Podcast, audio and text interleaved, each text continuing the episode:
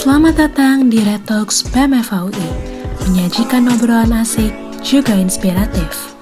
Red Talks, suarakan sebuah cerita dalam masa.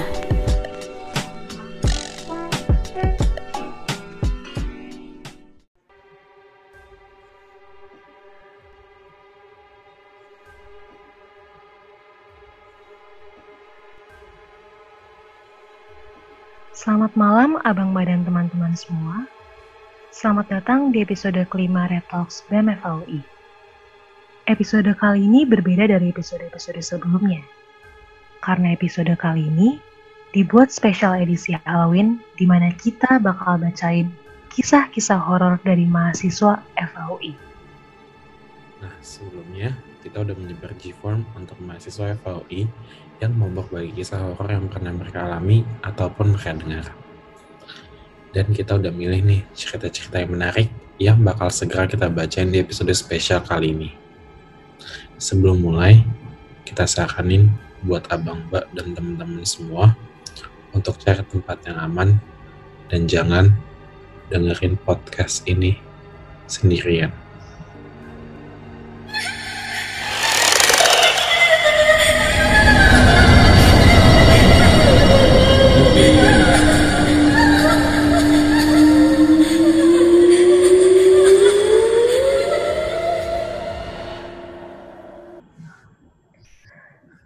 Tanpa berlama-lama lagi, langsung aja kita ke cerita yang pertama. Cerita pertama yang bakal gue bacain adalah pengalaman nyatanya Bang Rivaldi angkatan 2018. Jadi, waktu itu kira-kira jam 11 malam, gak lama setelah pintu kutek ditutup, gue dan temen gue yang berinisial S balik dari kutek ke arah FH lewat Puskiwa. Ngomong-ngomong soal Puskiwa, Lo tau kan Jo, seberapa seremnya Puskiwa kalau udah malam? Betul, Cak. Serem banget. Dan lo juga tahu kan jauh banget Puskiwa dari mana-mana dan gelap banget. Parah sih. Oke, kita lanjut. Saat itu kita berbeda motor dan gue jalan belakangan. Gak lama setelah itu, kita sampai di daerah tanjakan deket Puskiwa. Di situ kondisinya berkabut, jadi gue nggak ngeliat temen gue di mana.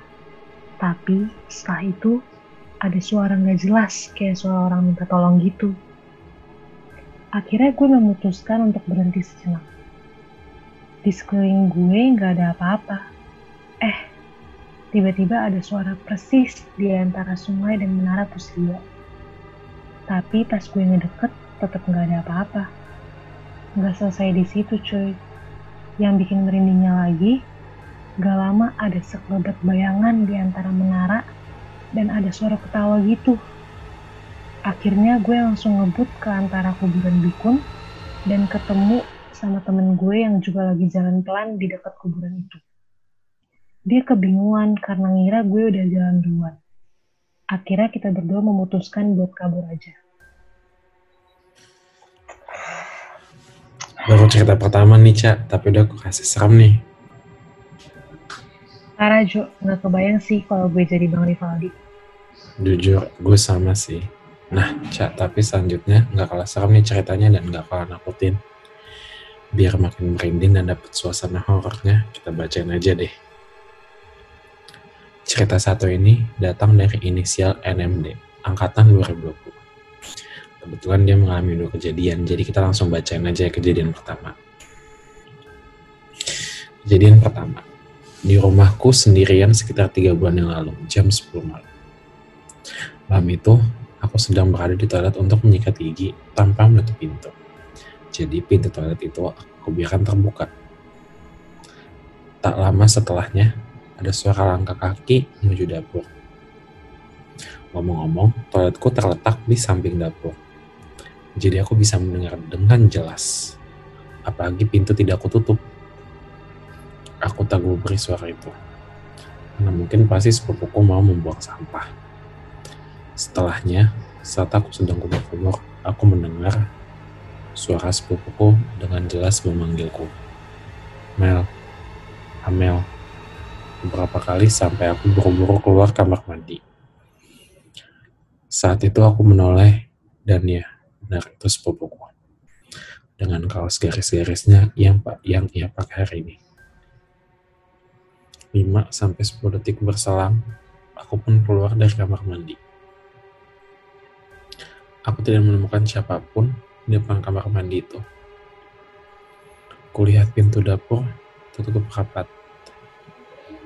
Aku cek tidak ada tanda sepupuku membuang sampah atau menaruh piring kotor. Lantas, aku pun pergi ke kamar sepupuku. Di sana kulihat dia dengan asyik memainkan ponsel sambil berbaring di kasur. Dia mengenakan baju beriris-iris sama seperti yang kulihat di bawah tadi. Lalu kutanya, Eh, tadi lo manggil gue di kamar mandi. Kalau cepet banget sih naik ke atasnya. Ia pun menjawab, kamar mandi mana? Di sini perasaanku mulai tidak enak. Dan aku menjawab, kamar mandi bawah. Lalu katanya, loh gue dari tadi sore nggak turun ke bawah, gue di kamar terus kok. Lalu ku tanya lagi, serius dong nggak ke bawah sama sekali barusan? Dia menjawab, enggak, emangnya ada apa?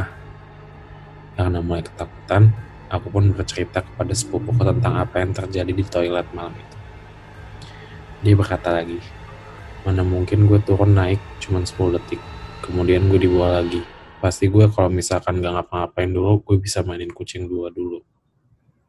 Dan ya, dapat dipastikan, malam itu yang kulihat bukan sepupuku. Oke, yang ini serem sih. Serem-serem. Siapa yang dilihat ya?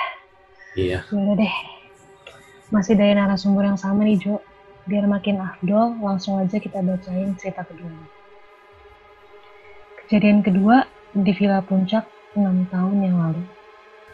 Sekitar sore malam, pada hari itu, aku dan teman-teman sekelasku pergi ke puncak untuk acara perpisahan SD kami. Temanku yang ada di cerita ini bernama Lila, nama disamarkan. Singkat cerita, kami sampai di villa siang hari dan akan main games di sore hari. Saat sore, kami bermain games, tidak ada yang aneh dari villa itu. Sebab sebetulnya telah aku dengar dari beberapa orang tua murid yang hadir bahwa villa ini menyeramkan. Selesai bermain games, kami pun kembali ke villa. Karena bangunan villa terpisah antara laki-laki dan perempuan, pastinya aku berada di villa perempuan dengan 17 teman lainnya dan para guru-guru perempuan. Kami memutuskan untuk mandi karena badan kami basah setelah bermain di kolam renang. Dan malamnya masih ada acara yang menanti, Sembari menunggu teman-teman selesai mandi, kami yang sudah mandi kemudian pergi ke dapur untuk menunggu mie instan. Kebetulan aku yang memasak air pada saat itu. Dan saat ku hampiri kompor untuk mengecek apakah air sudah mendidih, temanku Lila yang ada di kompor sedang berdiri dalam kediaman. Wajahnya pucat betul, begitupun tangannya. Ia menggunakan cara training panjang. Kupikir dia sudah selesai mandi, dan mungkin memang sedikit sakit karena kedinginan sehingga badannya pucat. Ku pegang tangannya dan berkata, Lil, kamu sakit. Dia hanya diam saja menatap kompor dengan kosong. Ku guncang badannya. Lila, kalau sakit tidur aja yuk. Kamu kenapa? Karena dia hanya diam saja, aku memutuskan untuk membiarkannya dan mengunjungi insan bersama teman-temanku yang lain. Saat itu aku heran mengapa teman-temanku tidak menyadari keberadaannya. Tapi aku pikir, ah dapurnya kan luas ya, mungkin emang gak kelihatan kali. Kami kembali ke kamar kami dan mengobrol. Tak lama berselang, pintunya terbuka. Dan betapa terkejutnya aku, itu Lila yang membuka pintu. Dia bahkan masih berbalut handuk. Lihat sekali baru selesai mandi. Dan dia tidak pucat sama sekali. Benar-benar sehat dan segar. Tanpa berlama-lama, aku pun langsung bertanya padanya. Dila, kamu bukannya tadi di dapur sama aku? Dia tertegun. Teman-temanku mulai berbisik.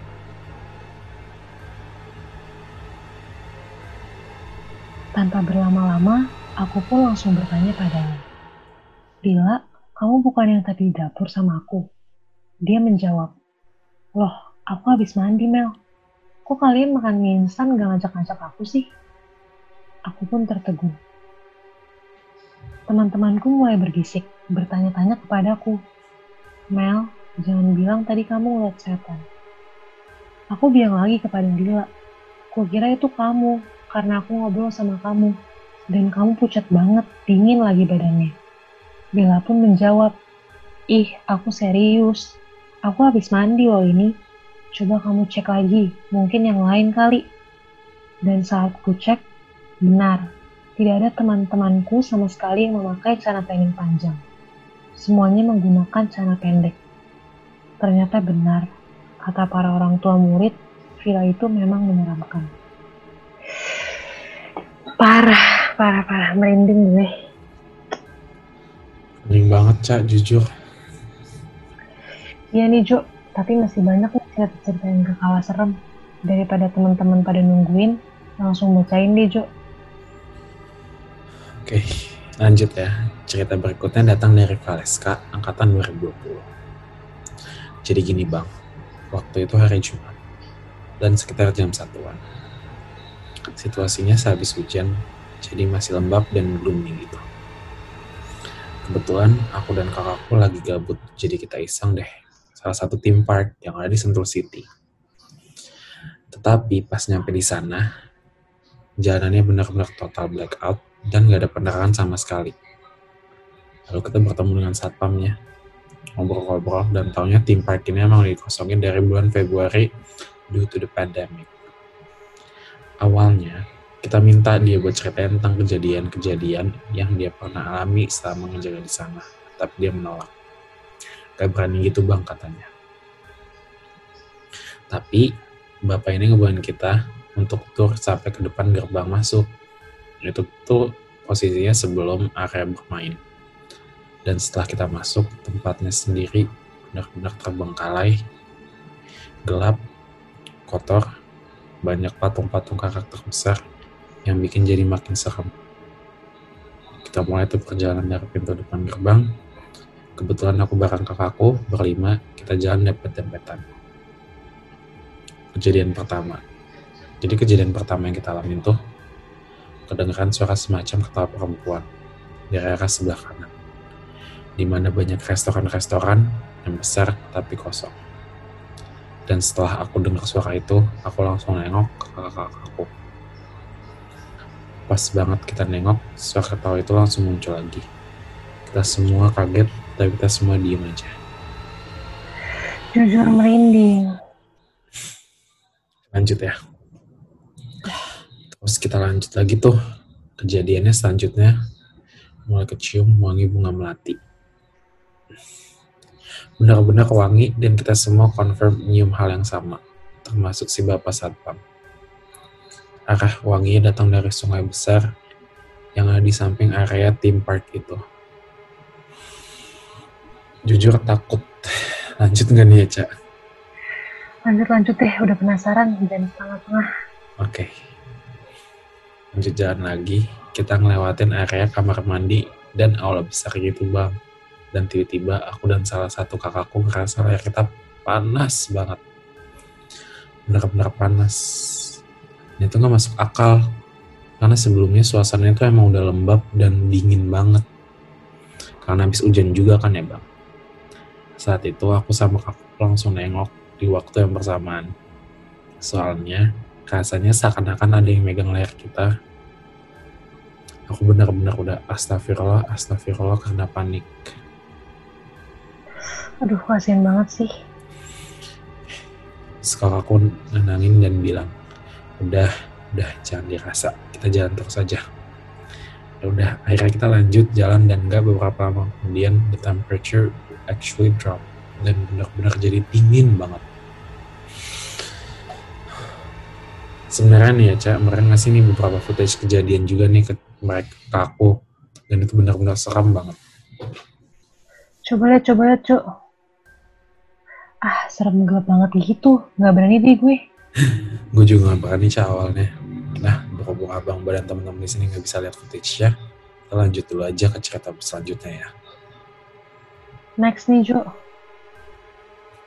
next aja cak. Kita nggak boleh setengah-setengah oke deh kalau gitu yang satu ini katanya dia dengar dari temennya nih Jo anak FMIPA tapi masih di lingkup UI gitu langsung aja kita bacain Oh ya, sebelumnya Jo, Jadi kalau di UI itu katanya yang terkenal serem emang FIB sama FIB.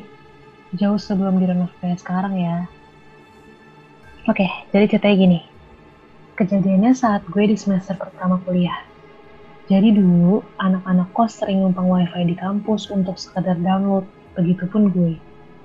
Nah, di kampus gue itu, salah satu spot favorit yang ada, ada di gedung laboratorium sains. Tiga tingkat gitu dan gak begitu ramai. Saat itu lagi masa-masa UAS, jadi otomatis kampus sudah sepi. Dan gedungnya pun juga sepi. Tapi gue masih ada urusan di kampus, jadi gue belum pulang. Waktu itu bulan Desember, musim hujan. Bodohnya gue, gue gak bawa cover laptop. So, gue terpaksa nunggu hujan reda supaya laptop gue yang kebasahan. Waktu itu gue inget banget, gue lagi download Football Manager ya lumayan lah buat ngisi waktu-waktu karena semesteran udah mau kelar. Gue di gedung itu di lobinya sendiri udah jam 4 Dan sampai jam 5-an akhirnya download selesai. Tapi posisi masih gerimis. Mana gue mau pipis, tapi toilet ada di lantai 2. Jadi gue tahan karena mikir udah gak ada orang sama sekali. Tapi di situ gue juga belum sholat asar, jadi ya udah, gue terpaksa beraniin diri buat naik ke lantai dua. Toilet di lantai dua itu pas banget di samping tangga. Modelnya itu pintu toilet cowok dan cewek berhadapan. Masuk toilet, gue nggak ngeliat pintu cewek, tapi pas ngeliat pas keluar dari pintu cowok, udah pasti ngeliat pintu cewek. Lo tau lah Jo, kalau orang takut bawaannya pasti pengen buru-buru gitu, Iya, Cak. Sumpah gue kebayang banget. Di saat itu, gue masuk lah ke toilet cowok. Aman, gue pipis nih. Tapi pas gue lagi pipis, hmm, mulai deh kerasa hawa-hawanya. Jadilah gue langsung buru-buru. Begitu gue kelar, gue langsung bergegas keluar pintu sambil nutup resetting. Kebayang lah ya, nutup resetting sambil jalan yang cepet gitu. Nah, entah kenapa pas mau keluar, mata gue ketarik banget buat ngeliat ke arah toilet cewek karena emang pintunya berhadapan dan gue ngeliat cepet banget karena gue emang gak nurunin speed jalan gue ada sosok berambut panjang ngembang bajunya warna putih gitu yang bikin seremnya lagi posisinya dia itu kebalik nempel di atas plafon gitu palanya ke bawah gila banget gak tuh kejadiannya cepet banget dan gue nggak begitu merhatiin karena gue langsung lari ke bawah buat cari tempat tidur lain. Gila, ini mah parah seremnya. Lanjut lagi aja kejadian selanjutnya. Langsung kita bacain. Jadi gue dan teman-teman gue sering banget nongkrong sampai malam di koridor kampus yang ada atapnya. Kebayang lah ya buat teman-teman UI. Lebih tepatnya di gedung MIPA, gedung A saat itu udah jam 9 malam dan temen gue ngeliat nih ada rumput ya kira-kira tinggi 15 cm udah yang goyang sendiri walaupun gak ada angin nah kan kalian tahu konon katanya kalau misalkan ada kayak gitu kabar ada yang nemplok ada dahan-dahan ada pohon-pohon goyang gitu tapi kita kan gak ada yang tahu ya nah akhirnya kita juga ngebahas soal itu tuh temen gue so iya banget dia genggam itu rumput sampai akhirnya diem. Gak lama setelah lima menit kemudian, tiba-tiba atap koridor ada yang nimbul. Awalnya sekali. Kita diem. Dua kali. Kita udah mulai ngerasa. Tiga kali, empat kali, ada yang aneh nih. Mana suara kencang banget, bukan kayak suara jatuh gitu kan. Ya udah kita mikir, udah nih, udah disuruh balik. Sampai akhirnya kita balik pas ke arah parkiran motor yang lewat koridor itu juga lebih seremnya lagi atapnya itu masih juga kayak ditimpuk oh iya ngomongin koridor yang kita lewatin temen gue juga pernah tuh kunci di dalam karena dia internetan dan lupa waktu aduh apes banget iya kan Padahal satpam juga udah gedor-gedor kali-kali. Gak digubris juga, sampai akhirnya dikunci. Dia sih nggak cerita banyak ya tapi saat karena udah nggak tahan karena banyak godaan di dalam dia jebol tuh pintu sampai disuruh ganti sama pihak kampus Katanya sih gitu. Jujur, apes banget udah ngalamin cerita horor, disuruh ganti aja sama pihak kampus. Cerita dari tadi serem-serem banget ya, Jo. Dapat banget gak sih suasana ini kayak gini? Tapi sebelum kita tutup, masih ada nih satu cerita lagi buat kalian para pendengar setia Retox. Biar nggak pada penasaran, langsung aja ya kita bacain. Kali ini ceritanya anonim. Malam itu aku sedang berada di kampus bersama ketiga orang temanku. Bella, Brian, dan Nabila. Biasalah lagi bahas poker sambil diselingi obrolan-obrolan gosip seputar kampus. Tak terasa waktu telah menunjukkan pukul 19.36. Aku pun mengajak teman-temanku untuk segera pulang karena esok hari kami akan UTS. Aku pulang menggunakan bikun menuju kos di daerah Kutai. Langit malam itu sangat gelap sehingga nampak turun hujan. Benar saja, rintik hujan mulai turun membasahi dan semakin deras. Lalu aku berteduh di halte fakultasku. Derasnya hujan yang turun, suasana malam itu jadi terasa sangat sepi dan menakutkan. Padahal belum terlalu malam. Tak lama, dari sudut mataku terlihat sesosok bayangan datang menembus hujan dan terlihat basah kulit. Awalnya aku tak menghiraukannya. Namun ketika aku tengok, seluruh tubuhku bergidik kaku. Beberapa saat aku terpaku, sehingga tak bisa menggerakkan kaki, tangan, maupun kepalaku. Tubuhku terkulai lemas. Aku mulai menundukkan kepalaku, memejamkan mata sambil membaca doa-doa yang kuucap. Astagfirullah, berkali-kali aku berharap sosok itu hingga pergi. Aku terus menatap tanpa henti. Sekuat tenaga aku beranikan diri untuk menoleh kembali ke arahnya, berharap sosok itu pergi. Tetapi, tiba-tiba sosok itu berada tepat di sampingku dengan seluruh tubuhnya yang basah kuyup. Rambut panjang menjuntai hingga ke sisi lain halte, muka dan matanya hitam penuh melotot sambil tersenyum ke arahku, sambil menggoyangkan kepalanya ke kiri dan ke kanan, dan ikut mengucap, Astagfirullah, astagfirullah, astagfirullah, astagfirullah. Gila, parah, parah, parah.